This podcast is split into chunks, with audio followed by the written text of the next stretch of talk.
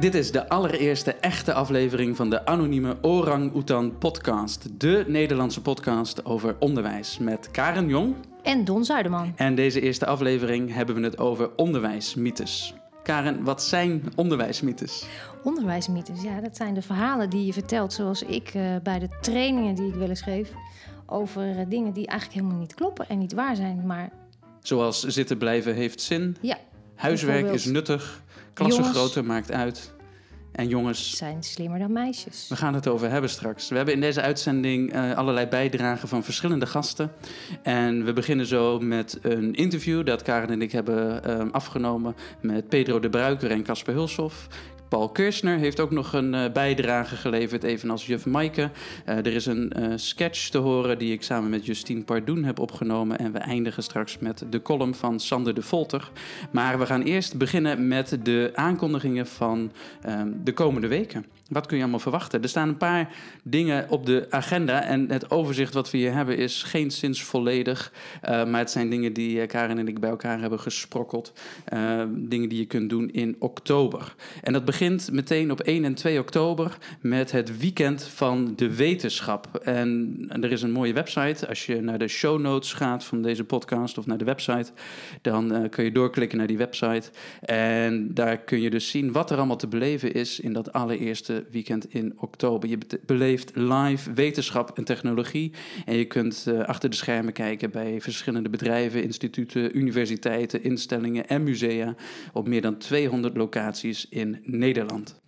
Uh, op 6, 7 en 8 oktober heb je het TEAC of TAC 16, Digital Skills for Education in Gent. Op 7 en 8 oktober is het lerarencongres van de Onderwijscoöperatie. Bij ROC Midden-Nederland in Amersfoort kun je daar gratis naartoe. Dat is dé plek om kennis te maken met collega's, elkaar te inspireren, ideeën op te doen en te bouwen aan je netwerk. Het is al de vierde editie van de Lerarencongres. Het is gratis en het levert je ook nog eens uren en punten op voor het register. Dus een aanrader. En tot slot. En 15 tot 23 oktober is het weer de Codeweek. Programmeren, natuurlijk, maar hoe noemen ze het? Dus in de aanloop naar de Codeweek is maar één ding duidelijk: het belang van programmeren staat op de kaart. Dus ga ermee aan de slag.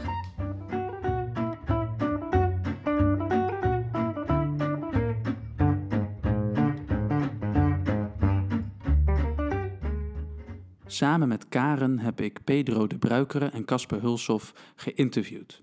Dat zijn de auteurs van het boek Jongens zijn slimmer dan meisjes, dat een paar jaar geleden is verschenen en waarin ze allerlei verschillende onderwijsmythes behandelen. Ik begon met de logische vraag: zijn jongens nu echt slimmer dan meisjes? En Pedro geeft als eerst antwoord.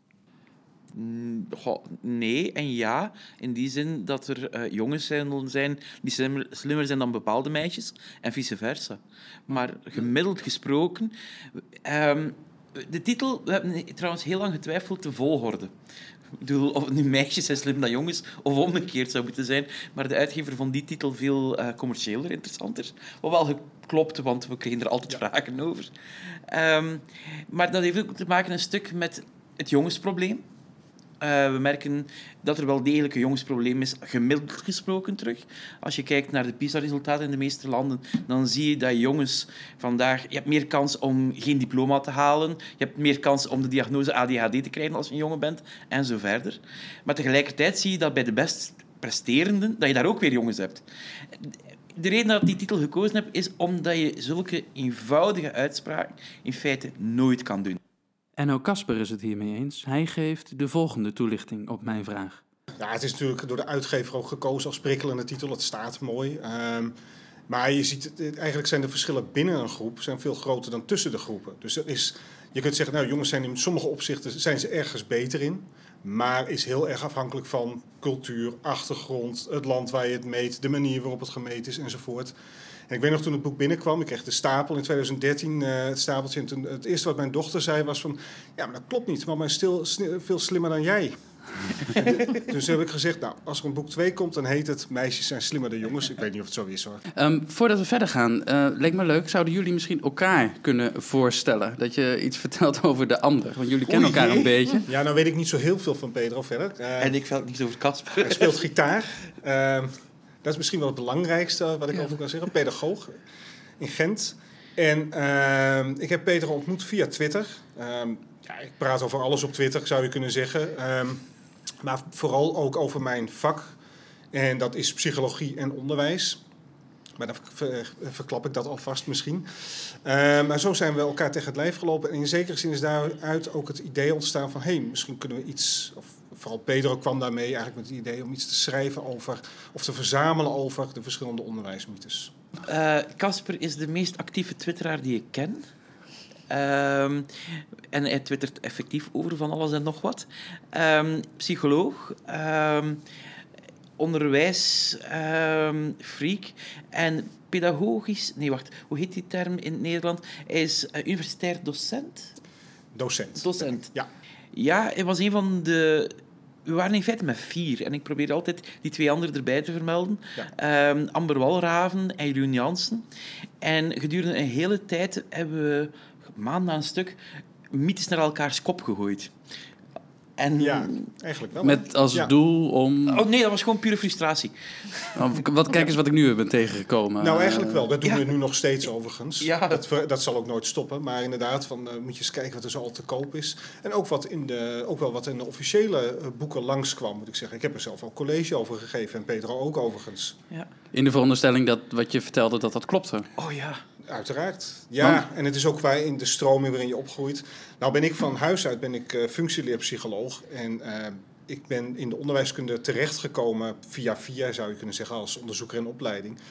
En eh, ik, ja, dan denk je dat het zo hoort. Hè, daar komt het eigenlijk op neer. Maar mijn onderzoek ging over ontdekkend leren. Daarvan durf ik nu wel te zeggen dat het eigenlijk een, een hele hoop flauwekul was wat ik aan het doen was. Maar eh, als, je eenmaal, als je in dat wereldje zit, dan vind je dat. Dan denk je van, nou ja, zo werkt het. Hè? Zo werkt het in het onderwijs. Dit zijn ideeën die spelen in het onderwijs, dus het zal wel kloppen. En ja, wat, wat ik zelf dan ook merkte, was bepaalde zaken die trouwens gewoon in, in handboeken sta, stonden, die wij in de opleiding gebruikten. Dat ik zei van, ja, maar als dat onderzoek dat ik daar gelezen heb klopt, dan kan dit niet. Ik, ik herinner mij, ehm, om, we hebben zo allemaal wel onze eigen dada's. Ik, bedoel, ik eh, ben de leerpyramideman die het niet kan laten. Ja. Maar die heeft ook mij vier weken van mijn leven gekost. En ik weet nog, die ene bijna... Ja, koortsige nacht, toen ik ontdekte van... Hé, hey, dat staat hier in dit nieuw handboek dat we gaan gebruiken. Maar dat klopt niet meer wat ik weet. En toen de simpele vraag van, waar komt dit vandaan? Ik heb die nacht niet geslapen. Ik weet dat ik rond drie uur s'nachts een mailtje naar al mijn collega's gestuurd heb. Ik denk dat we een probleempje hebben. Ik ken de leerpyramide, maar even voor de mensen die hem niet kennen en die ook luisteren. Wat is de beruchte, zou ik haast willen zeggen, leerpyramide? Nou ja, het is, eigenlijk komt het erop neer dat het is, het is eigenlijk geen piramide, maar een driehoek. Maar dat noemen we meestal piramides. Ik, weet niet precies waarom. Soms kun je een dimensie toevoegen. eraan. Klinkt ook heel mooi, hè? Ja, het klinkt, dat is een van, de, een van die zaken overigens. Een van de retorische middelen eh, die zo zich verankeren in het onderwijs vaak. Nou, de leerpyramide zegt eigenlijk heel simpel dat eh, als je iemand iets vertelt, gewoon sec vertelt, dan leert hij daar maar bijvoorbeeld 10% vangt hij daarvan op. Het is ook meestal het getal dat erbij wordt gezegd, is dan ook precies 10%. En dat loopt dan zo door in een aantal laagjes tot iemand iets zelf laten uitvinden. Volgens mij, of iets dergelijks in ieder geval. En dat is dan, dan eh, leer je 80% bijvoorbeeld. Of 90. Of 90. Het is maar net welke piramide je bekijkt. Want als je op Learning Pyramid googelt bijvoorbeeld, dan, eh, dan vind je daar duizenden. En allemaal van een iets ander type. En dat verhaal dat is zo een eigen leven gaan leiden, waardoor het op een gegeven moment zijn eigen waarheid is geworden, min of meer. En dat betekent dus in feite dat als je een hoorcollege geeft voor studenten, dan weet je als ze hier weglopen, dan onthouden ze hier 10% van. Dat is een beetje de Ja. boodschap Onder die je andere. probeert te ja. geven. En het, het grappige is, ehm, als je begint te kijken, die, die, omdat er ook zoveel verschillende versies zijn, het aantal bronnen daarvoor is ontelbaar. Je hebt Dale, Bale, Glasser, Glazer, NTL en nog een paar andere. Ehm, en ik, ik ben die beginnen allemaal uit te pluizen. Veel van die bronnen lopen ook dood. Ik als je daar gaat kijken, dan zie je dat die nergens naartoe gaan. Ehm, en de, de bron, de eerste bron, Edgar Dale, die de vorm bedacht heeft, de Cone of Experience uit 1946. In feite was dat een heel mooie theorie. Dat is een van de oudste theorieën, niet de oudste, maar een van de oudste theorieën over multimedia leren. En eh, een beweging die we wel kennen vanuit de cognitieve psychologie, dat je moet gaan van concreet naar abstract en niet omgekeerd, dat staat daarin mooi beschreven. Ja, Wat zat daar helemaal niet in? Dat was niet evidence-based, was niet op onderzoek gebaseerd en er zaten daar geen percentages bij. Die percentages, dat is dan een heel ander verhaal geworden waar die vandaan komen. De oudste bron 1912. Uh, ze zouden dan samengevoegd zijn eind jaren 60, maar in feite compleet verzonnen. Maar je ziet er heel mooi in, we hebben het als voorbeeld echt kunnen beschouwen, want je ziet er heel mooi in een heleboel zaken die in onderwijs heel vaak terugkomen. Er zit natuurlijk er zit een soort intuïtieve waarheid in. Iedereen snapt wel, voelt wel aan hoe het zit. Um, het heeft ook wel een bepaalde kern van waarheid. In de zin van, het is niet helemaal onwaar of iets dergelijks. En het is vaak gewoon nergens op gebaseerd. Het is niet gebaseerd op, uh, op echt goed onderzoek of gewoon op onderzoek überhaupt. En dat soort zaken zie je dus in, heel, in veel andere onderwijsideeën zie je dat dus terugkomen. En daar, eigenlijk hebben we daar min of meer een lijst van proberen te maken. Ja, want dat is jullie boek geworden. Dat is in 2013 uitgekomen. daarin behandelen jullie 36 van dit soort mythes. Klopt. Uh, broodje aap verhalen of, of, ja. of uh, straffenverhalen zou je het in het Vlaams uh, misschien noemen. Maar eigenlijk dus ideeën die leven bij mensen in het onderwijs, waarvan we met z'n allen denken van, nou dat is zo, of dat hebben we ooit geleerd of gehoord, of je komt er tegen en denkt, nou dat zou best wel zwaar kunnen zijn. Maar jullie in dat boek ontkrachten ze, of jullie laten zien van, nou ja, dit wordt wel gesteld, maar waarom dat zo is. Ja, ja. een van de eerste dingen die we gedaan hebben, is drie categorieën in het leven geroepen. Omdat uh, van sommige dingen moeten we gewoon echt zeggen van, dit is fout. Dit klopt niet. Dit klopt niet. De leerstijlen, daarvan kunnen we zeggen van... Sorry, voorlopig met alle kennis die we nu hebben, fout. Maar vaak is het veel genuanceerder. Wat Casper net zei, dat er heel vaak een bron van waarheid in zit. Van sommige dingen die gezegd worden, moeten wij zeggen van... Het is genuanceerd. En de derde categorie, en dat is de meest hatelijke categorie... Dat is de categorie, wij weten het niet. Er is geen enkele evidentie die zegt dat het zo is. Maar het zou zo kunnen zijn. Maar we hebben ook geen evidentie dat het niet zo is. Ja. En was het ook andersom? Dat je um, mythes waarvan je, um, of thema's waarvan je dacht dat het een mythe was, uit onderzoek bleek dat dat niet zo was? Nou, moeilijk. Ik denk dat uh, bijvoorbeeld uh, als je kijkt naar de relatie tussen gamen en geweld bijvoorbeeld. Een hele complexe relatie is dat. Uh, daar weten we gewoon nog niet goed van hoe het, hoe het zit. Um, je ziet het telkens weer terugkomen. Hè. Als er weer eens een aanslag is, dan wordt er weer gezegd van ja, hij speelde ook gewelddadige spelletjes. Wat volgens mij totaal geen oorzakelijk verband heeft. Maar is heel het is heel moeilijk uit te zoeken. Het is, uh, ik, had, ik, zou, ik zeg nu van, ik denk dat er geen oorzakelijk verband is. Maar ik kan het niet hard maken. Nee, er is best wel genuanceerd onderzoek daarin uh, ja. gedaan. Bijvoorbeeld door Patty Valkenburg. Uh, ja. ja. En als je gaat kijken, Peter Nikken heeft daar dan een mooi overzicht ook van beschreven. En dan moet je zeggen, er is een kleine in hele specifieke situaties, met heel veel verschillende variabelen die allemaal toevallig. Ja. Als alle sterren in dezelfde lijn zouden zitten, moesten we een sterrenkundige in, in de astrologie lopen, dan kan het wel degelijk een invloed hebben. En dan merk je, dan vonden wij het belangrijk van al die nuances er wel bij te noteren. Ja, in jullie boek geven jullie aan van oké, dit is complete onzin, of het is genuanceerd wat je zegt, of we weten het op dit moment niet. Dan ging je heel snel net, Pedro. Je zei, we weten van de leerstijlen, dat is onzin. Maar wat zijn leerstijlen? Laten we even beginnen bij het begin. Wat, wat zijn leerstijlen? De mythe van de leerstijlen. Nou, als je dat noemt, het is in ieder geval belangrijk om dat te onderscheiden van leervoorkeur. Iedereen heeft een manier om te leren. dus ehm, als je kinderen vraagt van hoe, of leerlingen vraagt van hoe leer je nou een lijst Franse woordjes, moet iedereen. Nou, dan heb je mensen die stampen. En je hebt mensen die, dat is eigenlijk de minst handige manier om dat te doen. Weet wij psychologisch onderzoek, uh, oké. Maar je kunt het ook op andere manieren leren. En dat is dan een andere manier van leren, een andere aanpak. En die kan effectiever zijn. Dus dat is... Dat is een voorkeur. dat is een voorkeur, een bepaalde manier, een, een trucje, waar je, je, zeggen. Goed, waar ja. je jezelf goed bij voelt. Ja, precies. En je kunt ook mensen uh, daarin uh, instrueren en zeggen van... nou, pak het eens zo aan en misschien gaat het dan beter. Nou, prima. Dat is iets anders dan uh, een soort vastliggende stijl die iemand heeft. Eigenlijk net zoals we wel eens zeggen van IQ bijvoorbeeld. Hè. Iemand heeft een bepaald IQ, een label plak je op iemand die zegt die is zo slim of iets dergelijks. Dan zeg je, dit is jouw leerstijl. Je bent een doener of een denker. Ja, die zijn van koop, dat, uh, ja, precies. Ik. En dan heb je, nog twee past in één van die vier hokjes. Ja, ja het past in een hokje. En iedereen past in één van die... Ja. ja. Of, of de andere populaire visueel auditief kinesthetisch. Ja. Je moet het leren door dingen te doen, vast te pakken. Je moet dingen door een keer te leren door te horen of door te zien. Ja. Heel verbazend als je vraagt, ik durf het in een lezing vragen, wie is er hier eerder visueel ingesteld? Ja, dan zie je, we zijn zo doordrongen van die leerstijl. Maar het gaat, bij de leerstijltheorie gaat nog een stapje verder. Namelijk, je hebt die kenmerken, maar als je je onderwijs aanpast zodat het optimaal aansluit bij de leerstijl, dan krijg je betere resultaten. Dus het idee is, je maakt als leraar een soort overzicht van alle kinderen in de klas. En je zegt van, hé, hey, ik heb vier doeners, ik heb acht denkers, ik heb een paar dromers en eh, de meeste zijn beslissers. Dat betekent dat ik Dat- morgen bij aardrijkskunde op die manier te op die werken. manier... De dromers gaan een tekening maken. Eh, de denkers die gaan een probleem oplossen. Die gaan iets zoeken op de kaart of iets dergelijks. Verzin maar De een doeners De geven, doeners ja. moeten natuurlijk erop uit. die gaan buiten, buiten. Verzin maar gewoon een activiteit. Dit, sta- dit sluit ook heel nauw aan bij de multiple intelligentietheorie van Gardner. Ja. En je moet bedenken, er zijn scholen die volgens dit principe werken. Er zijn heel veel scholen zelfs. Het betekent als, als wij in ons boek schrijven, dat is flauwekul. Dan ze- komen de docenten naar ons toe. Die zeggen, ja, ik heb nu wel een probleem op mijn school. Als ik, want onze directeur... Nou, maar volgens mij, als je dat tegenkomt, dan ben je al een heel vooruitstrevende school op het spoor. Want ik, Ja. Wat ik zou doen, is zou zeggen van, dat is helemaal geen flauwekul.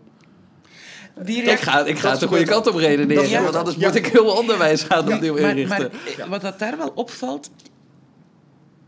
eh, ik wil niet van de hak op de tak Ja. springen, maar ik had veel meer kwaaie reacties verwacht. Ja. En die zijn er in feite bitter weinig gekomen. Maar dat is ook, Ja. als ik daar even op mag ehm, inhaken, als ik jullie boek lees, dan denk ik, we zijn, als je het hebt over 21ste eeuwse vaardigheden, kritisch denken, daar zijn we nog eh, lang niet. als, je, als je kijkt naar, ehm, eh, kijk, dit, hè, jij, het is natuurlijk jouw beroep om dat te gaan uitzoeken. En jij, dat is een persoonlijke drive, hè, om eh, te gaan kijken of een, of een mythe ontkracht kan worden misschien wel. Of hè, jij- jij, hebt een basiskennis waaruit je dat doet. Maar de standaard eh, of de gemiddelde leraar, die gaat dat natuurlijk niet doen. Dus hoe kun je dan als leerkracht in het onderwijs, heb je daar eh, handvatten voor? Eh, hoe kun je dat... Ik wil geen reclame maken, maar ik heb net een, een, een, een fantastisch boek vertaald. Eh, ik heb zelf aangedrongen bij de uitgever Ja. dat ze het boek vanuit het Engels naar het Nederlands zouden laten vertalen. En ze hebben gezegd van, doe maar. Ja, van Daniel Willingham. Daniel Willem, When to Trust the Experts. En dat is effectief de bedoeling van ehm, leerkrachten een handvat geven van als je geen onderzoeker bent, als je niet veel tijd hebt, want dan, ja, je wil lesgeven, en dat is heel belangrijk. Ehm, wat kan je doen om in te schatten of dit wel de moeite waard is? Kun je er een paar noemen? Strip and flip it. Strip it en flip it is gewoon ontdoe het van alle mogelijke ballast. Wat wordt er hier nu echt gezegd? Ehm, en het draait keer om ook. Ehm, een heel mooi voorbeeld is... je hoort vandaag heel veel claims over het brein. Maar wat zegt men nu echt? Als men bijvoorbeeld zegt van een jong kind... ehm, het heeft een hele grote plasticiteit van het brein. In feite wordt er gewoon gezegd, als je het eventjes ontdoet van alle moeilijke woorden... Een jong kind kan veel leren. Ja. Wauw, wat een Ja. inzicht. Eh, of ehm, er komt dopam- dopamine vrij bij het spelen van computergames. Wat betekent dat in feite? Kinderen spelen graag computergames. Ja. That's it. Maar dat soort taal wordt gebruikt om, Om te jou ervan te overtuigen van kijk eens Ja. wat wij hebben, wat wij hier aanbieden, dat moet je hebben. Ja, Ja. en het is vooral die denkoefening van... Ja, maar wat wordt er nu echt gezegd? En ook bijvoorbeeld de vraag... Wat gebeurt er als ik het niet doe? Wat verandert er? Ehm, trace it. Weet je, ik een heel concreet voorbeeld van de voorbije zomer. In alle kranten, ook de Nederlandse, stond het verhaal dat je beter leert in de klas zonder schoenen. Ja. Ja. Enkel de Volkskrant heeft in één factcheck twee weken na datum gezegd van er klopt niks van dit verhaal. Ik had wel geteld twee minuten nodig. Eh, de naam van de eh, onderzoeker stond in het artikel. Je zoekt dan gewoon in Scholar en je merkt dat daar nooit iets over gepubliceerd is. Nu, dat kan nog altijd betekenen dat ik een heel slechte zoeker ben. Ja. Maar dit betekent ook dat, je, eh, dat informatievaardigheden dus eigenlijk heel belangrijk Ja. zijn. En het tweede, ik heb Ja. toen uit pure armoede de man zelf gecontacteerd. En die zei van, ja, maar dat onderzoek bestaat niet. Dat viel me ook wel op in, eh, in jullie eh, boek.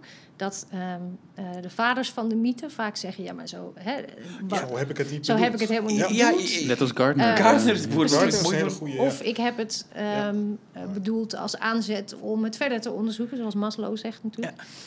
Ja. Interessant, ja. Ja, het is interessant om te zien dat eh, sommigen met je idee aan de haal kunnen gaan. En ik moet er wel bij zeggen dat sommige onderzoekers, dat gebeurt ook wel, die teren natuurlijk echt op hun ene resultaat en maken daar hun hun carrière uit. Gardner heeft dat ook een klein beetje, maar hij is een hele bescheiden man, een hele bescheiden onderzoeker. Maar wat je zegt, wat je zegt over die schoenen, om daarop in te haken, dat is, wat dan ook wel interessant is, is dat ehm, de media en de kranten bijvoorbeeld, die zitten echt op dit soort dingen die wij doen in zekere zin te wachten haast. Uh, je ziet dat bijvoorbeeld Rick Kuiper inderdaad van de Volkskrant bijvoorbeeld echt zich afvraagt van nou, jongens, uh, ik, dit kom ik tegen, wat vinden jullie hiervan? Klopt dit? Wat moet ik hiermee? Uh, andere media die plaatsen het klakkeloos, nemen het zo over. Uh, maar dat betekent dus, want bedoel, uh, we verwachten dus van leraren, leerkrachten dat ze kritisch zijn, voelsprieten ontwikkelen en denken van, ja, slaat dit ergens op of is het gewoon kolder? Maar ondertussen zeggen we ook van de gemiddelde Nederlander gaat eigenlijk heel makkelijk mee, of de, oh, ja. de gemiddelde Vlaming gaat heel makkelijk mee in wat media beweren. Media zelf gaat heel makkelijk mee. En ook zo'n, um, ja. uh, uh, zei je, Rick Kuijer van de, van ja, de Volkskrant, die, moet ook nog, die moet het ook nog checken van, ja, ik weet het ook niet. Ja, hij is journalist is, en het is toch zijn beroep. Maar wees, wees blij, hij checkt het. Ja. ja. ja. Um, en ja. Ik, ik ben blij dat er meer en meer fact-check-achtige uh, rubrieken komen. M maar de week, ik, ik gaf nog twee lezingen in het begin van de zomer. En ik werd geconfronteerd met twee scholen waar ik dit als voorbeeld gaf. Ik gaf een lezing en ik gaf dit als voorbeeld. En op een van de scholen kwamen er twee leerkrachten bij me af. Ja, maar ik, ben hier al, ik heb hier ouders al gehad die vroegen of hun kinderen de schoenen mochten uitdoen, omdat het een positief effect op leren had. Ja, zo gaat dat inderdaad. En dan zeggen ze, nou ja, en, en vroeger, mijn opa liep vroeger op klompen. En die zetten hem ook altijd bij de deur, zetten ze ook al bij de deur neer. En toen was het toch allemaal veel beter in Nederland. Dus dat, dat, dat, is een beetje de redenatie uh, zoals ja. gaat. Dus de mythes, uh, jullie behandelen er uh, een flink aantal, meer, meer, dan 30, maar ze blijven ook komen. Je spreekt er mij van. Wordt het er meer steeds? Um, nee. Ja, dus ook hoe je zelf kijkt ernaar. Ja, en, en, en wat het ook wel is, je zit hier met twee slechte mensen aan tafel op dat vlak. Sinds het boek verschenen is, krijgen wij heel veel vragen. Uh, klopt dit? Uh, hoe zit het daarmee? En ja, we zijn effectief, ook samen met Paul, die, die hier onderweg bijgekomen is, Paul Kirchner, zijn we een hele nieuwe lijst aan het checken. Um, en dan merk je, soms kan dat heel frustrerend zijn, want dan zitten nu ook weer dingen waarvan ik dacht dat ze kloppen.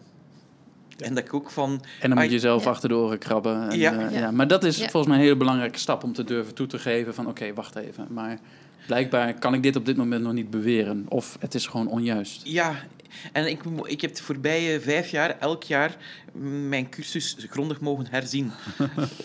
Nou, ik vind het zelf ook wel lastig, want het studieboek dat ik gebruik in mijn cursussen bijvoorbeeld, eh, daar staan dingen in waarvan ik zelf eigenlijk min of meer zeg dat ze niet kloppen. Nou, wat tentamineer je dan? Hè? Ja. Wat, wat, vraag je aan de student om te leren? Ze moeten de stof leren. Intussen zeg je, en dat vinden studenten ook lastig, van, uh, zeg je eigenlijk iets anders. Ja, of sla deze hoofdstukken over. Of... Dat kan bijvoorbeeld. Uh, wat, ik ook, artikelen. wat ik ook meemaak is, ik geef ook uh, college aan studenten van de hogeschool voor de ALPO, academische leraaropleiding. En die zeggen tegen mij van, ja, ik heb op de hogeschool heb ik heel andere dingen geleerd dan, dan wat je hier staat te vertellen. Nou, dan heb ik natuurlijk gelijk, hè, dat zeg ik dan maar, geloof mij. Maar, maar daar komt, dat, is heel, dat vinden zij ook heel lastig, want ze krijgen tegenstrijdige geluiden. Want, want deze mythes ja, zijn lastig uit te roeien ook, volgens mij. Nu, ik merk wel dat het, een, dat het een, er een beetje beweging is. Ze blijven opduiken, zeker. Bijvoorbeeld op LinkedIn durf ik mijn gezicht niet meer tonen, virtueel, omdat ik daar om de haverklap met die piramide uh, om de oren geslagen word. Aan de andere kant, ik bijvoorbeeld rond, neem nu leerstijlen, ja. zie ik wel degelijk een stuk beweging komen. Uh, maar ik ben meestal de optimist in het gezelschap. Want wat zijn de reacties uit het onderwijsveld zelf? Op deze mythes? Nou, als ik, ben, ja, als, ik, als ik mag beginnen. Het is, uh, Pedro zei eerder al, uh, had eigenlijk een beetje, had je hoop je op een relletje natuurlijk. Hij geeft ook aandacht, een beetje beurs rond een boek. Nou, dat viel eigenlijk wel mee. Maar de reactie die we wel veel gekregen hebben is van... ja, jullie focussen nu op wat niet goed is in onderwijs. En uh, docenten zijn mensen en leerkrachten zijn mensen die heel erg hun best doen. En het is al niet het beroep wat in enorm aanzien staat. Hè, dus het is wel fijn dat je zegt wat we niet goed doen... Uh, maar je zegt eigenlijk niet wat we wel moeten doen, bijvoorbeeld. En dat hebben we expres hebben we dat geprobeerd enigszins uh, mee te nemen voordat het boek verscheen al. Je ziet er zit een citaat in aan het begin van uh, heel veel gebeurt. Het gaat goed, ook al is het gebaseerd misschien op verkeerde ideeën. Maar dat wordt ons wel enigszins uh, soms ingevreven dat we daar, dat, daar richten wij ons gewoon niet zozeer op. Ook niet in het boek wat in 2015 is uitgekomen. Ja, er, we hebben bij elk, er zijn vier blokken in het boek. En we eindigen altijd met een paar dingen waar mensen meestal niet van gehoord hebben, maar waar wel evidentie voor is. Een beetje ter compensatie, omdat eh, ik durf nu zelf als ik lezing geef geen pure mythe-lezing meer geven. Omdat en na een tijdje het gevoel komt bij het publiek van... Dus alles wat we weten is fout. Ja. En dat kan nooit de bedoeling zijn. Wat we wel willen doen, is, is hen waarschuwen voor een paar hele bekende, waar heel veel tijd en energie in gestoken wordt, en waarbij in het beste geval er geen resultaat is, maar waarbij er zelfs mogelijk negatieve resultaten zijn. Omdat de tijd die je daarin stopt, kan je niet in iets anders stoppen. Ja, dus is wel, ja, volgens mij blijft het heel belangrijk werk. Eh, je gaf aan, je hebt zelf een beetje eh, een voorkeursmythe, als ik het zo moet zeggen, of allergie van de, van de, de leerpyramide. Bij jou misschien de leerstijlen of iets anders? Nou, ik zat zelf vooraf al even te denken, wat is nou mijn favoriete mythe, als dat zo bestaat. Ik vind er meer heel interessant. Eigenlijk vind ik ze allemaal interessant. Maar zelf een van de interessantste voor mijzelf vond ik eigenlijk wel uh, het, het hele oude idee dat, wat Ken Robinson noemt, school kills creativity. En zijn TED-talk, die is de meest bekeken TED-talk zo'n ja, 2006, 2006 gaat hij daar uitgebreid op in. Uh, het is een kunstleraar en hij weet veel van dans. Uh, nou, heeft in veel commissies gezeten, is een man van een bepaalde reputatie. Heeft daar uh, eigenlijk zijn beroep van gemaakt om hier lezingen over te geven. Over eigenlijk wat leraren fout doen en wat zo bijzonder is aan leerlingen. Nou, dit alles kun je traceren eigenlijk op een heel romantisch beeld van onderwijs, wat teruggaat tot, nou, wat is het, de 17e eeuw zo'n beetje. Rousseau natuurlijk, inderdaad. Um, maar wat een bepaalde manier is om naar het leven te kijken, zou je bijna kunnen zeggen. En, naar onderwijs en opvoeding. En het, wat we, het, het, het kinderachtige, wat we zo enorm waarderen in onze cultuur. Ja, en eigenlijk is het gewoon een hele hoop flauwekul wat hij daar staat te vertellen. Als je, dat, als je daarvan zegt flip it, strip it enzovoort. Als je dan gaat kijken wat er dan overblijft. Het is bijna niets als het ware. Het is ook geen enkele originele gedachte. Maar de man wordt op handen gedragen. Uh, door, ja, eigenlijk door iedereen. En het is eigenlijk alsof het veld zich laat. Als, als je bij Joep van het Hek zit, dan weet je, het gaat over jou. En hij zegt onaardige dingen, maar het is eigenlijk het is show. En met Ken Robinson zit je in het publiek en dan, uh, je wordt eigenlijk als leraar wordt van alles gezegd wat je allemaal niet goed doet. En mensen klappen ervoor. Ze klappen hun handen kapot en men probeert nu ook Ken naar Nederland te halen. Crowdfunding uh, is er voor. Uh, en dat zal nog wel doorgaan, ook vermoed ik. Maar ik zou eigenlijk geld bij elkaar willen leggen om hem uit Nederland weg te houden. Ongeveer. Er is een zeker karakterverschil tussen Casper uh, en ikzelf.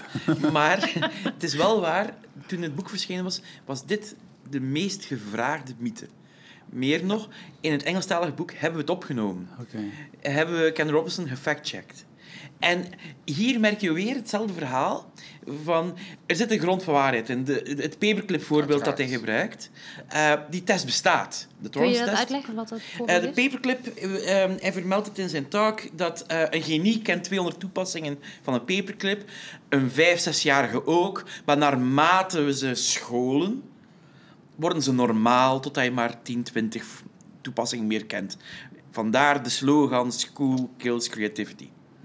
Ik vond dat heel interessant. En meestal, weet je, ons factchecken is heel vaak niet moeilijk. Ik bedoel, de man doet iets, verwijst naar iets, je checkt het, je leest het. Soms is het dan heel verbazend um, dat het nooit gezegd geweest is. Of, maar in dit geval, de test bestaat, de claim bestaat, het klopt. Maar het is de enige, nou, een van de weinige tests die dit resultaat uitkomen. Omdat ze ook een zeer enge definitie van creativiteit gebruiken. Als je gaat kijken, uh, Sawyer heeft daar een heel mooi overzichtswerk van gemaakt. Als je kijkt naar de andere testen rond creativiteit die een ruimere definitie gebruiken, dan zie je enkel naarmate een kind ouder wordt de creativiteit toenemen. Maar daar heeft Ken het niet over. En nee, dat past niet in zijn verhaal. Nee. Nee. Alles gaat in het straatje, inderdaad. Ja, en, uh, ik, ik, gaf hier vroeger nog college over, dan noemden we het refrigerator art. Dan was het van, kinder, van kinderen van tot een jaar of vier, hang je de tekeningen op de koelkast. Want die zijn zo mooi en van eenvoud, zo creatief, et cetera. En van kinderen van een jaar van 4 tot, van 4 tot 11 worden ze eigenlijk steeds minder interessant. Omdat die kinderen proberen te tekenen wat ze zien, veel meer letterlijk. Maar ze kunnen het nog niet. En daarna neemt het eigenlijk weer toe. Was dan het idee zoals het werd beschreven. Het is heel erg subjectief natuurlijk als je het op die manier beschrijft. Van ja, ja wat, wat, is dat, wat gebeurt er tussen 4 en 11? Ja, kinderen gaan naar school, leren daar dingen. En dat is dus slecht voor hen. En is dat niet ook hoe de mythes ontstaan? Ja, en, en tegelijkertijd is er ook heel vaak een, een, een... We zoeken... Kijk, ik ben zelf oorspronkelijk leerkracht, ben daarna pedagoog geworden. Maar leerkrachten zoeken handvaten. handvatten. Um, worden heel vaak geconfronteerd met hele complexe situaties. In feite, als je kijkt, een klas is een complex gegeven. Van interacties, er is druk van buitenaf. Ik bedoel, ik zat vandaag um, vier uur in de wagen. Ik heb vier keer gehoord, onderwijs moet dit doen. Over vier compleet verschillende thema's. En dus dan is het normaal dat de professional zegt van help mij en op zoek gaat naar oplossingen. En oplossingen die logisch lijken, die liefst door de druk niet te moeilijk zijn, Geef mij maar. En dan merk je dat dergelijke verhalen door hun eenvoud aantrekkelijk worden. Nu, aan de andere kant, wat je merkt, is als iemand iets u wil verkopen, dan is hij heel graag eigen woorden gaan gebruiken, liefst complexer maken. Maar als je dit doet, lost het op. Ik bedoel, bijna een soort van black box. Het werkt. En, en heel vaak werkt het voor ongeveer alles. Bedoel, Voor iedereen ook. Ja. ja. Um, en dat bedoel ik met die eenvoud. Maar tegelijkertijd um, bestaan zo geen, geen eenvoudige oplossingen. Wat je tegenwoordig, wat enorm in is om te doen, bijvoorbeeld tegenwoordig is, en dat is, vind ik zelf wel een van de dingen die we steeds zijn tegengekomen, waardoor we er ook een aparte sectie van konden maken. Dat zijn de neuromythes, maar ook gewoon het feit dat uh, neurologie of neuroscience of neuropsychologie, ik veeg het nu op één hoop wat niet klopt hoor, maar alles met neuro ervoor, dat wordt eigenlijk gebruikt om, ja, om wat? Om eigenlijk wat we al lang wisten, een nieuw, nieuw soort lading te geven, waardoor het ineens exacter is. Kijk, en onderwijskunde en psychologie die hebben altijd uh, de neiging om zich exacter te willen maken dan ze zijn. Want exacter is uh, serieus genomen worden, is ook geld in feite. Uh, en dat zie je binnen onderwijs eigenlijk net zo. Dus nu wordt er gezegd van ja, leren, dat, daar gebruiken we onze hersenen bij. Hè, de amygdala speelt een rol. En ineens is wat we al lang weten, dat, namelijk dat als je op een bepaalde manier iets leert, dat dat dan misschien effectiever is dan op een andere manier. Ja, omdat het dan, we zien het terug in de hersenen en daardoor is het ja, meer waar of serieuzer enzovoort. Daarnet doorheen het gesprek kon je beginnen denken van dat veel van die mensen oplichters zijn omdat ze het proberen te verkopen. Ik heb de voorbije drie jaar veel van die mensen ontmoet die uh, trainingen aanbieden rond leerstijlen, rond meervoudige intelligentie, rond brein en dergelijke meer. Die menen het bijna één voor één zeer goed. Die geloven er ook zelf heel erg in. Dat is dus niet dat dat zo van die kwaaie, boze, evil slechterikken zijn die Net als geld... Ken Robinson, die gelooft er natuurlijk ja. ook genoeg. Ja. En die menen het goed. En, en dat maakt het soms extra moeilijk. Want ik kan niet zeggen van dat zijn slechte mensen. Nee, ze willen ook het onderwijs verbeteren. Spijtig genoeg niet echt op een manier waarvan we zeggen van dit werkt, maar ze menen het wel heel vaak goed. Ja, het zijn een soort evangelisten in zekere zin. Sugata en Mitra natuurlijk precies zo. Uh, en het interessante is, zij hebben ook een groep paladijnen, zoals ik ze meestal noem. Uh, een groep om zich heen opgebouwd. Ze hoeven zichzelf niet te verdedigen, dat doen anderen voor hen. Dus uh, het, het, voor Ken geldt dat wat minder, die wil zich, uit zichzelf wel. Sugata soms.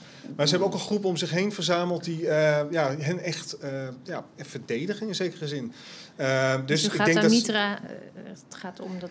Mitra is van de hole in the wall ehm, in India, de armste sloppenwijk die je maar kan verzinnen. Daar werd een gat in de muur geslagen. Nou, die zitten misschien, zaten er misschien al, maar er werd een computer opgehangen. En dat leidt tot, ja, dat is dus in zekere zin zou je het kunnen zeggen leren zonder docent. De, de, die arme kinderen die kijken zo is. Het is, een beetje, het is bij de antropologisch experiment haast wat je daar dan aan het doen bent. En dan gaandeweg gaan ze, daarmee, gaan ze daar dan mee aan de gang en dan komt het allemaal goed. En dan is er altijd wel één iemand die heeft zichzelf daardoor Engels geleerd of iets dergelijks. Nou, en da daarom moet het onderwijs in de wereld helemaal anders in dit geval was het een, een, een pijn. Je hebt misschien al vanuit het gesprek gemerkt, we zijn verschillende mensen. Zeker. En, en um, ik ben Mitra beginnen uitzoeken, niet omdat ik hem niet geloofde, maar omdat, ik, hem, omdat ik het interessant vond en, en hem wou geloven. Ja. Eh, in die zin van, wauw, die slaagt in iets waarvan ik weet dat het op andere plekken niet lukt. Hoe heeft hij dat gedaan? Dat was voor mij een... een, en omdat de man zelf ehm, ook professor is en ook publiceert, weliswaar, dat heb ik achteraf geleerd, in wat meer schimmige journals. Maar dus al die artikels zelf beginnen gaan opzoeken en opvissen. En dan merk je dat het verhaal dat in de artikels staat en het verhaal dat hij op een podium brengt, niet met elkaar matcht. Eh, in de artikels zegt hij zelf, daar is het niet gelukt, daar is het fout gegaan. Op het podium is het een groot succesverhaal. En dan merk je van, oh, wat gebeurt er hier? Ik moet zeggen, dat was voor mij een van de, van de grotere teleurstellingen. Gewoon omdat ik die man wou geloven. Ja. Het is een prachtig dat- verhaal wat hij vertelt. Hè, dat zie je dan via sociale media voorbij komen. En dan denk je, nou, dit is inderdaad een prachtig verhaal. Ja. Dus dat deel je en je helpt de mythe verder de wereld in. En eh, het is een wetenschapper. Dus je gaat ervan uit dat het verhaal ook klopt. Ja, maar eh, als ik even naar Willingham wil verwijzen, en, en dat geldt dus ook voor mensen die naar ons luisteren, autoriteit is het slechtst mogelijke argument. Ehm, ik zal een concreet voorbeeld geven. Ehm, in, in het Verenigd Koninkrijk heb je eh, professor Greenfield, Susan Greenfield. Is een top neurowetenschapper. Heeft fantastisch werk geleverd. Daar is geen enkel discussie over. Maar die heeft de onhebbelijke gewoonte om in alle soorten media te zeggen dat er een link is tussen ons toename van computergebruik en de toename van autisme in de wereld. Waar baseert ze dat op? Wel, gelukkig dat mensen dan die vraag gesteld hebben. Ben Goldacre en eh, Dorothy Bishop. Dorothy Bishop, in feite een professor-onderzoekster van hetzelfde niveau, die één simpele vraag gesteld hebben. Where is the evidence? Want de persoon in kwestie is wel professor, maar heeft daar nooit onderzoek naar gedaan, heeft daar nooit over gepubliceerd en heeft daar dus ook geen evidentie voor. Eh, Onder druk heeft ze dan een lijst van 400 artikels gegeven die haar punt zouden maken. Dan hebben mensen zich ermee bezig gehouden om die allemaal uit te spitten en dan valt heel het verhaal als loszand uit elkaar. Maar je wil haar geloven Maar, ook. maar ook, ik snap dat... Ook als ik zou gewoon...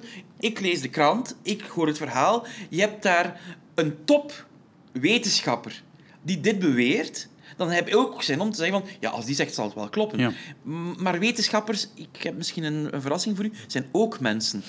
Met ook meningen. En, en soms sijpelen die er ook door. En, en ja, dan... Ik wil even een zijpaadje nemen. Ik heb jullie even gehoord over jullie onderwijsmythes. maar ik heb ook, eh, je hebt hem al even genoemd, Paul Kirchner, eh, gevraagd om eh, iets in te spreken. Oké. Paul, voor de luisteraar, is hoogleraar onderwijspsychologie aan de Open Universiteit. En ik heb hem gevraagd om een top 5 onderwijsmythes in te spreken. En eh, laten we daar eens met elkaar eh, naar Ik- luisteren. Ik vermoed welke. En dan eh, kunnen we het daar nog even met elkaar over hebben.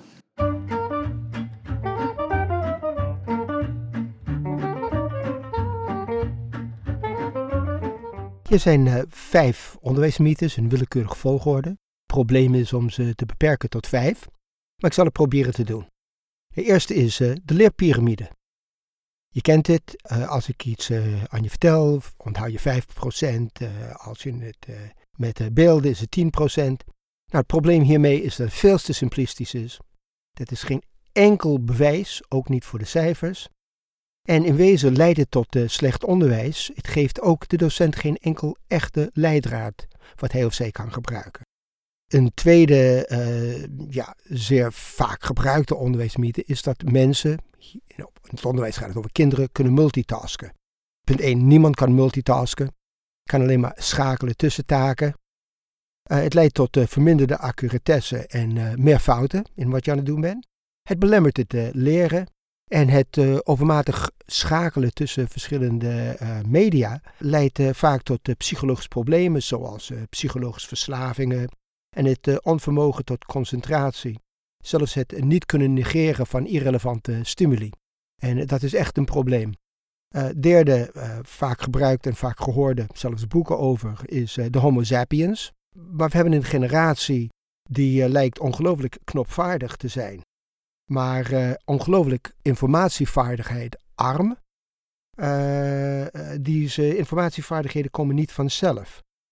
Die kinderen eigenlijk beschikken niet over de vaardigheden die hen eh, worden toegedicht. Eh, ze kunnen geen kennis bouwen met die media. Ze kunnen geen kennis delen door middel. Ze kunnen wel met elkaar praten, en eh, verhalen vertellen. Ze kunnen vooral knippen en plakken, maar gebruik maken van wat hen toegedicht wordt aan vaardigheden met informatie. Informatie vinden, beoordelen en wat dan ook, dat kunnen ze niet. Vierde, en misschien een van de meest eh, gebruikte, meest gehoorde, is eh, die van leerstijlen. Die bestaan niet, punt één. Die zijn vooral een, eh, een uitstekend excuus voor een kind of voor een ouder om te zeggen waarom er niet geleerd wordt. Je zou kunnen zien als een vorm van attributie. Als ik het geleerd heb, is het omdat het op de manier was waarop ik het het beste kan. Als ik het niet geleerd heb, is het dat het verkeerd aangeboden werd. Nou, er is geen enkel bewijs ervoor. Dus eigenlijk het, eh, dat noemt men eh, eigenlijk eh, leerstijlen dat het mathematantisch is, leren dodend is, in plaats van mathemagenisch, leren barend. En de vijfde is nou, de mythe van ontdekkend leren. Problemen oplossen leren door problemen op te lossen. Nou, om problemen op te lossen moet je beschikken over domeinkennis.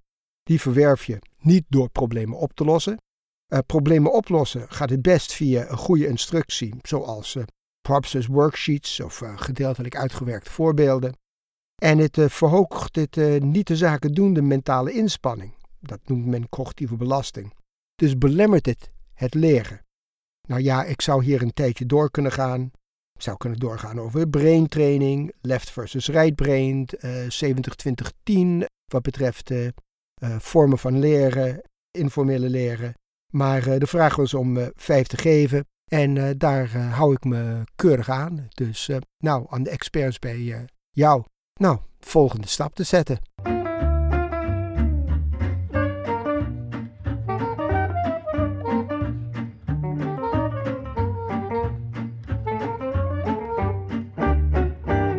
Wat vinden jullie ervan? Ik, ik, had, ze- ik had ze vrij correct ingeschat. Bij de laatste twijfelde of hij het zou zijn, want dat, dat is in feite een heel bijzonder verhaal. Dat gaat over ontdekkend leren. Zelf ontdekken. Daar had jij het ook over. Ja, eh. daar ging mijn eh, promotieonderzoek Ja. over. Nu, wat je wel moet weten, Paul Kirchner heeft een, samen met ehm Mirjam Boer en van Merrienboer. Ja. Maar ehm, is een van de doodgravers van het constructivisme genoemd. Er is zelfs een, een boek verschenen naar aanleiding van, van eh, zijn, eh, een van, van de belangrijkste artikelen op dat vlak, daar hij aan meegewerkt heeft. En opeens zaten wij, ik kwam erbij bij de vertaling van het boek, en wij noemen in ons boek zelfontdekkend leren geen mythe. Wij noemen het genuanceerd. En hij heeft het ook, de, de, de nuance, heel mooi gezegd van... Voor het verwerven van nieuwe kennis is het geen optimaal, maar eenmaal de kennis er wel is, kan het wel een mooi eh, vervolg worden. En ik weet nog dat ik ehm, met een paar eh, buitenlandse onderzoekers samen zat die ons boek, de Engelstalige versie, gelezen hadden. En die waren erg onder de indruk dat een boek waar Paul Kirchner aan meegewerkt had, dat daar zo'n genuanceerde versie in stond. Nu, als je Paul Ja. kent, is dat niet zo verbazend, maar het, het, het, viel wel op. Ja, het artikel uit eh, 2006, Kirchner, Sweller en Clark. Ik gebruik Ja. het ook in mijn eh, vak onderwijspsychologie. Dat, eh, dat was echt wel een eh, ontzettende schop tegen het constructivisme aan in feite. Door studenten wordt het meestal niet zo... Die vinden de toon vaak wat te agressief, grappig genoeg, van dat artikel. Eh, terwijl het eigenlijk gewoon... Is precies Paul die dat gewoon schrijft. Je kunt het lezen. En Sweller en Clark hebben gewoon meegelezen vooral. En vooral gecorrigeerd, vermoed ik. Maar dat weet ik niet precies. Ja, dat Maar je kan heel goed de toon van Paul zien. Ja, het is heel, eh, heel duidelijk. Van, eh, het, en het, het stond in een lijn in dat tijd van eh, Richard Mayer had in 2004 al ge- gepubliceerd Three Strikes Against Pure Discovery Learning. Ja, dat was echt een beweging in die tijd van laat een kind het zelf maar uitzoeken en dan leert hij het, het, het meeste. Hè, de- de- het kind als kleine wetenschapper. En eh, dat heeft toen wel een, gigantische knauw gekregen. En ik weet nog dat wij in de tijd in Twente, dat wij ook de term ontdekkend leren niet meer mochten gebruiken. Maar wij mocht- moesten het voortaan inquiry learning noemen, onderzoekend, leren. Onderzoekend leren. Ja, En dat, dat staat ook dan- in jullie boek Ja. inderdaad. En dat zie ik nog steeds heel veel voorbij komen. Maar het is dus onderzoekend leren in plaats van ontdekkend leren. Ja, en dat, eh, dat is puur door Richard Mayer en door eh, Paul is dat in, in zekere zin. En eh Klaar Nigam, en ook bijvoorbeeld een onderzoek waarin dat ook volledig eh, eh, onderuit gehaald werd, eh, is dat tot stand gekomen in feite. Dus er gebeuren wel eens dingen. Ja. En de Homo sapiens, ehm, ja, de digital native, Ja. je hebt daar heel veel synoniemen voor. Eh, dat die ertussen zou zitten, eh, dat was het artikel dat ik verwees eh, van Mirjam Boer en Paul hebben eh, ongeveer op het moment dat ons boek uitkwam een artikel gepubliceerd met drie mythes, waarin dat de digital native, maar ook de eigen voorkeuren bijvoorbeeld een rol speelden. Want wat zijn digital natives? Eh, de term is in Ja. 2001 gelanceerd, bekendgemaakt. Hij heeft het niet zelf bedacht, eh, maar ehm, door eh, Mark Prensky. Dat jongeren die opgroeien in een digitale wereld daar vlot mee zouden kunnen- spelen. En dat de digitals, de oude zakken die, eh, die het allemaal moeten leren, die er niet mee opgegroeid zijn, dat die daar veel meer moeite mee zouden hebben. Ja, dat is intuïtief ook weer zo'n idee dat ontzettend makkelijk aanslaat. Omdat iedereen weet dat kinderen vaak heel handig zijn met bijvoorbeeld met telefoons, zie je dat nu. En wij vinden dat lastig, voor ons is het soms nieuw. Nou, dat was het dan ongeveer. Want ik weet nog in de tijd toen wij een videorecorder in huis kregen, dat mijn ouders zeiden van nou, je mag er niet aan zitten, zei ze in eerste, tegen, in eh, instantie tegen ons als kinderen. Later was ik de enige die dat ding kon programmeren, want ze snapten er niks van. En ik heb het wel eens geprobeerd uit te leggen en dat lukte dan niet en dergelijke. Ik ging altijd te snel. En zo werken die dingen. En voor mijn ouders was waarschijnlijk toen de televisie kwam enzovoort, was dat ook weer zo. Nou, misschien heb ik ook een mythe daarin eh, geleerd. Namelijk dat ehm, eh, kinderen werken vanuit het principe eerst doen en dan pas denken. Dus makkelijker ehm, zijn in gebruik en knoppenkunde. En volwassenen werken vanuit het tegenovergestelde principe. Namelijk eerst denken en dan pas doen. Waardoor je dus tegengehouden kan worden. Is dat een mythe die... Mm, Ik Klinkt- durf geen uitspraak Nee, is- maar... Nou, nee, dat is waar, inderdaad. Zeg ik dan meestal als er met zoiets komt. Ik, ik heb geen. Ik, vind het, ik zeg altijd, ik krijg, vaak, ik krijg dit heel vaak te horen. Zeg ik, Klopt dit? Dan zeg ik, het zou kunnen, het klinkt, het klinkt leuk. Ehm, En- en- ja, dan gaan we op zoek. Als het, Ja, en dat zeg ik meestal komt binnen een paar weken terug. Ja, Maar Ja, maar- ja, nou, nou kinderen ga ik hebben nog het zelf uitzoeken. Ja, Ja. kinderen missen natuurlijk nog de vaardigheid, bijvoorbeeld. Hè. Ik, ik denk altijd heel, ik ga altijd even terug, bijvoorbeeld naar gewoon hele simpele Piaget-theorie. Kinderen missen nog bepaald vermogen tot abstract redeneren, bijvoorbeeld. Of het nou bij 10 of 11 is, dat, dat maakt me dan niet zoveel uit. Maar dan denk ik van ja, dus kinderen moeten wel doen, in zekere zin. En eh, aannemen, ook voor een groot deel. En kunnen nog niet, hebben, missen nog het vermogen om, om, eh, om iets helemaal goed te doordenken, bijvoorbeeld. Maar dit is heel simpel gedacht, dat lijkt me dan volkomen logisch. Dus ja, is het dan interessant? Nee. Ja, nu, Ja. eh, Maar dus, goed. nu, omdat je Piaget vermeldt, één dingetje. Piaget wordt ook in het boek vermeld. Als ehm, compleet weerlegd en fout. Ja. Maar we bespreken het niet. Want als je er rekening mee houdt, werkt het wel. En, Ja. en, en dat, dat is heel... Dat, is, dat kan, achteraf dacht ik van, misschien is dat wel heel cryptisch, maar de theo- theorie van Piaget is op heel veel punten weerlegd. Wat jij daarnet zei eh, over abstract denken, ja, het ontstaat, maar op latere leeftijd, bij een compleet nieuw domein, je ook moeite hebben om abstract te denken. En het is dus niet zo leeftijdsgebonden als dat Piaget beschreef. Precies. Ja, en er is een heel mooie, en bijvoorbeeld ook een toespraak van Richard Clarke, een, eh, een, een Schotse, een Schotse, een enorm accent, Schotse eh, cognitief psycholoog, onderwijskundige ook in zekere zin, waarin hij zegt van hoe kan het toch eigenlijk, waarom leren studenten nou in een leraaropleiding überhaupt nog Maslow, Piaget en al dat soort flauwekul werkelijk. Die, dat, noemt Piaget echt de grootste charlatan van de 20e eeuw, wat ik zelf veel, veel overdreven vind, maar vooruit, het is dan zijn eh, stokpaardje. Maar zo eh, kun je daar, als je daarnaar kijkt, dan denk je van ja, verdomme, zeg, waarom, waarom behandelen we eigenlijk Piaget? We zeggen alleen maar dat het niet klopt ongeveer. Nou, ik heb op de Pabo inderdaad via Rita Koonstam eh, Piaget gehad. Is dat nog steeds zo? Ja, absoluut. Ik heb geen Ja, die is nog... ik- ik-. Laat ik zeggen, ik geef nog altijd Ik ook. aan mijn studenten Piaget. Maar, ik zeg er ook bij, het klopt niet, maar er is wel zo, als je kijkt naar, naar een paar metastudies die kijken, als je ermee rekening houdt, is het wel interessant en effectief. Dus daarom dat ik zeg van, weet dat het niet klopt en hou er rekening Ja. mee, want het heeft een positief effect. En daarom is het geen mythe geworden in het boek. En tot slot vroeg ik of je als leerkracht niet heel angstig wordt als je je hier nu te veel mee bezighoudt. Nee, weet je, wat ik altijd ehm, ook tegen mijn studenten, maar ook tegen leerkrachten zeg, wat mij het meest is opgevallen bij dit werk, is hoeveel we niet weten. Die derde categorie is in feite gigantisch. Dat wil dus zeggen dat er nog heel veel kan uitgeprobeerd worden, heel veel kan eh, onderzocht worden, heel veel kan geprobeerd worden. Dus dat is voor mij de mooiste motivatie om te blijven proberen.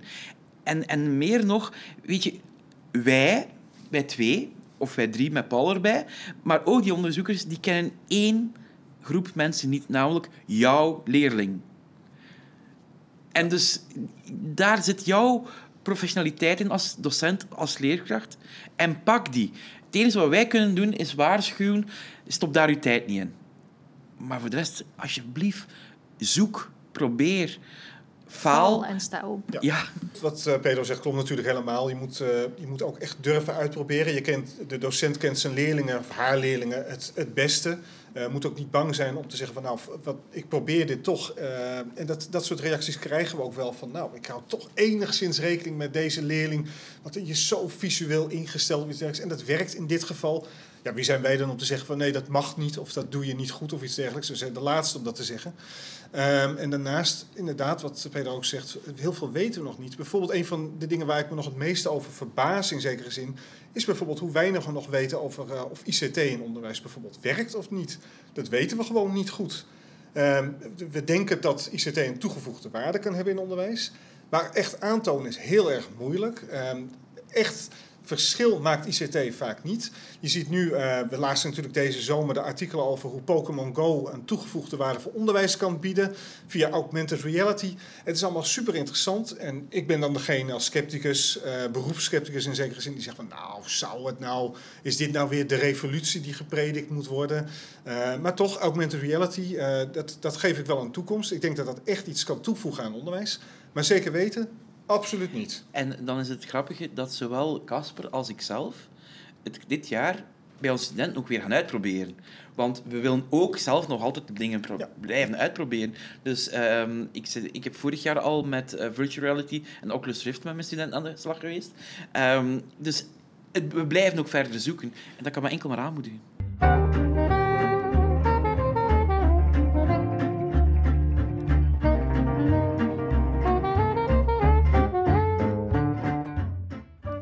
Tot zover het interview met Casper en Pedro. Over naar het volgende item waarin Don wel een heel bijzondere rijles krijgt. Ja, ik, eh, ik ben hier op bezoek bij eh, Henriette Bots van Rijschool Bots. Eh Henriette, hi. Je bent eh, onlangs gestart met een heel nieuw concept in jouw eh, rijlessen. Ja, dat klopt. Ik merkte gewoon dat de jongeren zo snel afhaken. Ze vinden het saai. Mm. Kijk, de jeugd van tegenwoordig het zijn allemaal digital natives. Die multitasken de hele dag en zijn snel afgeleid. Die kunnen het gewoon niet meer opbrengen om een uur lang alleen maar te rijden. Kijk, in het begin gaat het nog wel, hè? dan is alles nieuw. Maar na een les of acht, negen, dan hebben ze het wel gezien.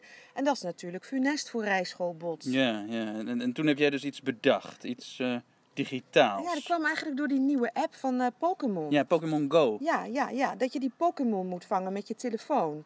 Dan loop je door de wijk en dan Mhm. zie je van die beesten op je scherm en die moet je dan vangen. Nou, ineens liep iedereen dus buiten op die Pokémon te jagen. Ik zie ze zelf ook overal. Ik had er laatst twee vol op, op mijn bumper. Dus ik denk, nou, dan moet ik iets mee in mijn rijlessen. En, en nou heb jij dus iets bedacht, een, een soort variant op Pokémon Go. Ja, en het heet Mario Kart Go. En het loopt als een trein. Het zijn natuurlijk nog steeds rijlessen, maar dan gewoon wat leuker. Net die extra kick om, om, om door te blijven gaan. Oké, en, en hoe werkt dat dan? Nou, zal ik het gewoon eens laten zien? Wil je, er, wil, je- wil je zelf even instappen? Ja, hier achter het stuur? Ja, ga maar zitten. Oké.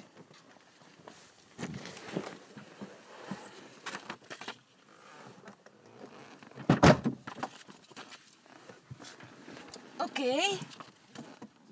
Oké, we Nou. zitten. Ja, het is heel simpel. Ehm, kijk, ik heb zo'n knopje op het dashboard erbij gezet. Eh, hier. Ja, dat was natuurlijk eerst de radio, maar ja, niemand luistert daar meer naar. Dus nou gaat dan Mario Kart Go aan. Oké, en wat gebeurt er dan? Nou, dat is hartstikke gaaf. Ik zal het je laten zien. Ik ben zelf ook een visuele leerder, hè. Je moet het altijd eerst zien en dan Mm. begrijp ik het pas. Ja. Nou, zet even het contact aan, zo. Oké. En dan opstarten. Echt, ehm, Ja, ja, doe maar. Heb je wel... Nee, zie, zo, ho, ho. Zo gaat dat niet, hè. Ik ben eh, dit is een rijles nu. Eh, gordel om. Oké, wacht even. Dan zit je stoel goed. Spiegels afstellen. Kijk, je moet het ja. wel een beetje Het is een netjes tijdje doen. geleden voor mij dat ik... Het is wel eh, rijschoolbot. Ja, oké. En echt contact maken? Ja, maak maar contact. Ja, oké. Kijk, kijk, kijk, kijk, kijk. Nou, hier in dit dashboardkastje zit de Nintendo weggewerkt. Ja, Zie je het? Zie je ja. Nou, kijk eens nou vooruit. Wow, ja, ik zie het. Er liggen ineens allemaal gouden sterren op de weg. Ja, maar het is niet echt, hè? Dat is dus geprojecteerd. Ja, ja. En, en die sterren moet ik dan pakken. Ja. En dan moet je daar gewoon straks doorheen rijden, hè? Ja, maar daar loopt een doorgetrokken streep. Nou, en je moet die sterren pakken. Hoe meer sterren, hoe hoger je score. Kijk, en hier linksonder staat Mhm. zo'n metertje. Ja. En als je dan voldoende punten hebt, dan ga je naar een ander level. En daar, die, die grote paddenstoel daar in, in die bocht? Ja, Power Boost. Als je die pakt, dan ga je 10 kilometer harder rijden. Kan toch helemaal niet? Nou ja, natuurlijk wel. Kijk maar, hier. Eigenlijk heel eenvoudig, hè. Dan in die Nintendo hier, die is aangesloten op de boordcomputer van de auto. En ja, die geeft dus gewoon een signaal door. Gassen maar. Ja, maar dat is toch levensgevaarlijk? Nou, valt best mee. Je moet natuurlijk goed blijven opletten. Daarom krijg je les. Maar je pakt zo'n paddenstoel natuurlijk niet voor niets. Met zo'n boost kan je bijvoorbeeld net eventjes langs zo'n irritante vrachtwagen aan het eind van een invoegstrook. Ja, dat klinkt eigenlijk best wel goed. Eh, Wat, wat vind je naar jouw leerlingen hier nou van? Nou, die vinden het geweldig natuurlijk. Kijk, ze gamen allemaal en nou kunnen ze ook bij mij nog eens werken aan hun reactiesnelheid. En dat is allemaal wetenschappelijk bewezen. Hmm. En als je iets wil leren, dan moet je het leuk maken, logisch toch? Ja, ja, klinkt wel logisch, ja. En, en heb je nou ook nog plannen om dit verder door te ontwikkelen? Nou, je moet het zo zien. Het is natuurlijk nu alleen eh, in mijn eigen lesautootje. En eh, ja, het is een unique selling point, hè.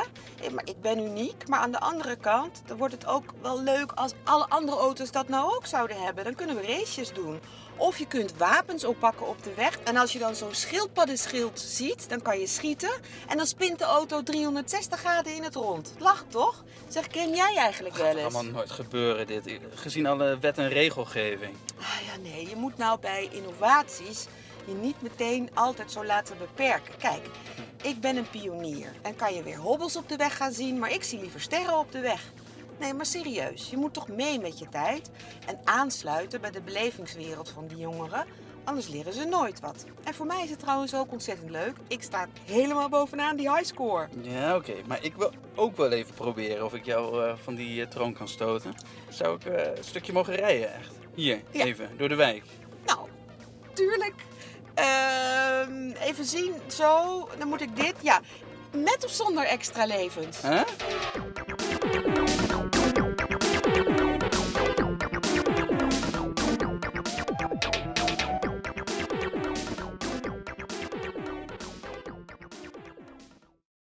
De eerste podcast waar ik op mag reageren. En meteen een ontzettend eh, interessante. Je hoort de stem van Maaike Douglas. Maaike is leerkracht in Vleuten en staat al zeven jaar voor de klas, grotendeels voor kleuters. Daarnaast schrijft ze veel op haar eigen website, jufmaaike.nl. Ik heb Maaike een opname gestuurd van het interview met Casper Hulshoff en Pedro de Bruikere en vroeg haar om in maximaal vijf minuten hier weer op te reageren. Wat kan het praktische werkveld eigenlijk met deze informatie en hebben we er eigenlijk überhaupt wel wat aan? Ehm, ik moet zeggen dat ik het boek niet kende. Het boek Jongens zijn slimmer dan meisjes. En ik denk dat het meteen eh, een goed boek is voor eh, vooral beleidsmakers op onderwijs en voor eh, directeuren. Eh, die zijn toch degene die het beleid uitzetten naar, school, naar hun school toe. En ehm, be- bekijken hoe ze alles willen aanpakken en welke tools ze willen gebruiken om, eh, om in het onderwijs bezig te zijn. Ehm, maar voor mij als leerkracht eh, betekent het ook wat, want ik eh, heb heel veel geleerd, ook op de PABO. En ik eh, leer nog steeds bij, ik, lees nog steeds van allerlei vakliteratuur. En nu blijkt wel dat ik het wel ook zelf moet gaan onderzoeken of het ook allemaal klopt wat er wordt gezegd. Leraren hebben handvatten nodig, willen handvatten hebben om te zien wat werkt in de klas. en om go- goed werk te kunnen leveren. En ehm, al die mythes die werden besproken, die ken ik ook. En nu worden ze eh, totaal ontkracht. En dat eh, kende ik nog niet. Wat me ook wel verbaasde was dat dat dus blijkbaar de media zo klakkeloos eh, dingen overneemt. Terwijl je van journalisten verwacht dat ze toch wel een fact-checking doen. Ehm, ons beroep is om les te geven. Leerkrachten geven les. En eh, proberen dat op een zo goed mogelijke manier te doen. Wordt heel veel op ons bordje gelegd, inderdaad. We moeten ook heel veel vanuit eh, de, de maatschappij eh, doen. Ehm, en dan verwacht je wel dat journalisten dan wel checken of alles waar is. Maar blijkbaar moeten we toch nog zelf ook heel veel blijven onderzoeken en een onderzoekende houding blijven aannemen. Ik, het maakt het als leerkracht ook wel heel lastig, vind ik, om dan te bepalen wat wel echt waar is en wat wel echt werkt. Dus daar eh, blijft een kritische houding eh, voor nodig. En, en zelf dus ook achtergrond verder zoeken. Dus als er een keer weer een berichtje op het nieuws komt met eh, bijvoorbeeld pas inderdaad dat de schoenen uit moesten in de klas, dat we dan zelf ook even verder gaan nadenken en verder gaan kijken of dat ook echt waar is. Dus we moeten zelf ook blijkbaar veel meer aan fact-checking doen. Eh, Zelf blijf ik ook altijd bezig en aan het leren. Ehm, ik, eh, ik probeer ook heel veel uit. Wat ook zeker eh, gezegd wordt in het interview. Dat je dat als leerkracht moet blijven doen. Om gewoon zelf te kunnen kijken wat werkt in de klas. Zo eh, leer ik de kinderen programmeren. Bijvoorbeeld met een Bebot. eh werk ik veel met Digibord. Ehm, ik ik lees nu zelf ook over de breinontwikkeling. Vind ik ook ontzettend interessant. Daar wordt ook in het interview wat over gezegd. Dat het nu... ehm, lijkt alsof dat veel belangrijker is of wordt gemaakt omdat het exact is. Ehm, maar wat ik er wel van leer is dat de dingen die ik doe nu ook echt een, een, een achtergrond krijgen. Dus ik laat de kinderen heel. Ik werk met kleuters, dus ik laat de kinderen heel graag eh, of heel vaak spelen. Ehm, en neem heel veel verschillend soorten materiaal in de klas, zodat ze geprikkeld blijven. En dat blijkt ook uit dat boek, dat dat eh, eh, ook echt zo werkt. Dus ik vind het wel fijn om meer achtergrond te hebben, zodat, het ook, zodat ik het ook echt een basis kan geven. En ook aan anderen kan laten zien van ik doe dit omdat het goed is voor, nou in dit geval, het brein. En ik deel ook wel eens ehm, eh, mythes, begrijp ik nu. Ehm, ik moest wel een beetje lachen dat het ging over Ken Robinson. Want ik ben ook gevraagd om eh, eh, vanuit mijn site de crowdfunding eh, te delen. En het klonk inderdaad heel interessant. En nu door deze podcast denk ik, oh, maar misschien is het dus helemaal niet interessant genoeg. Ik vind het in ieder geval een heel interessant boek en ik zal het zeker een keer gaan lezen. En eh, voor mijn praktijk eh, blijkt het dus dat ik eh, zelf kritischer ga zijn. En ik denk dat dat ook voor veel andere leerkrachten nodig zal zijn om kritisch te blijven op, op alles wat je hoort.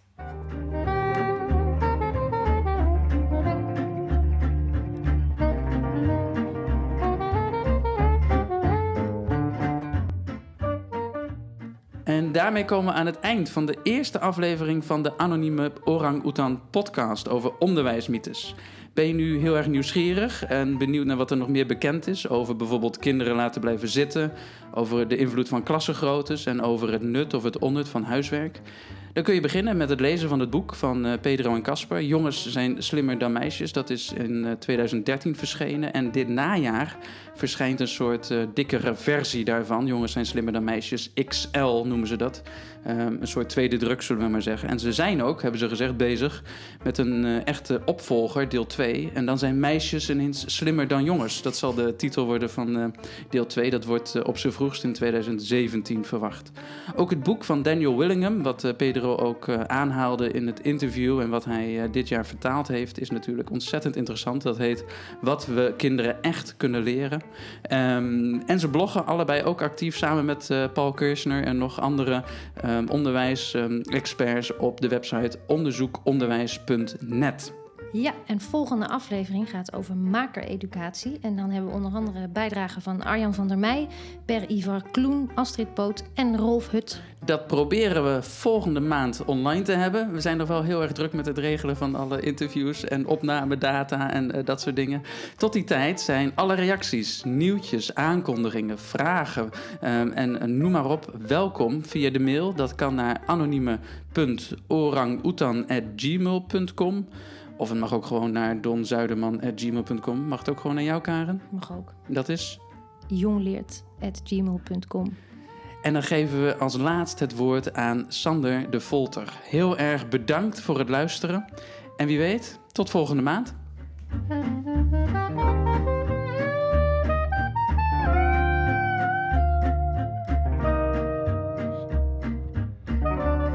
De kleuter is geen schoolkind.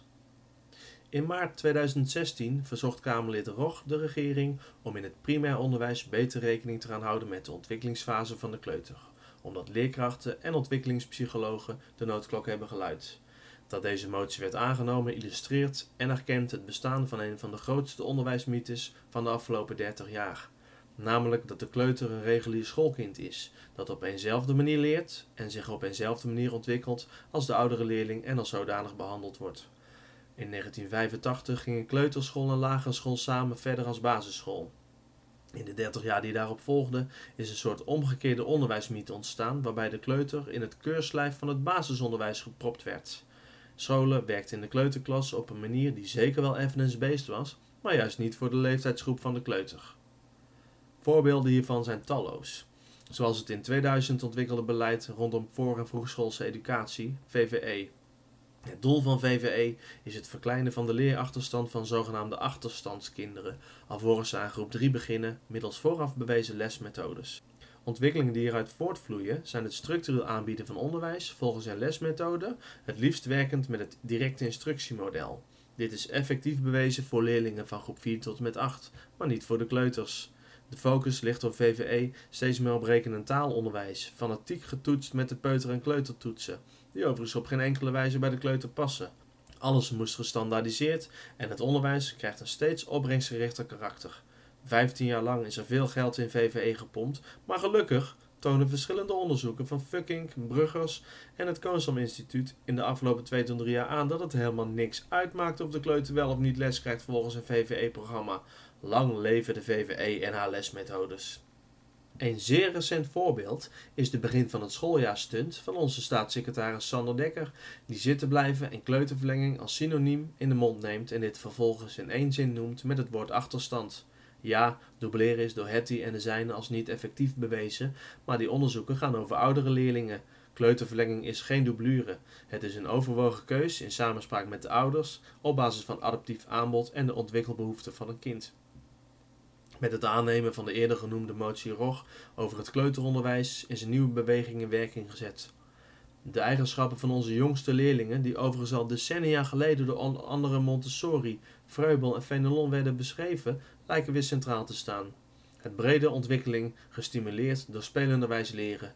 Een brede ontwikkeling gevolgd en gestimuleerd door creatieve leerkrachten, die deze ontwikkeling doorzien en hun onderwijs hierop aanpassen, gesteund door nieuwe inzichten uit de literatuur. Recente publicaties van onder andere Pellis, Björkland en Goorhuis ondersteunen deze beweging, waarin het werken volgens een bewezen voor kleuters effectieve manier in de kleuterklas weer geëikt is. Vol vreugde sluit ik af met mijn openingsstatement. De kleuter is en blijft geen schoolkind.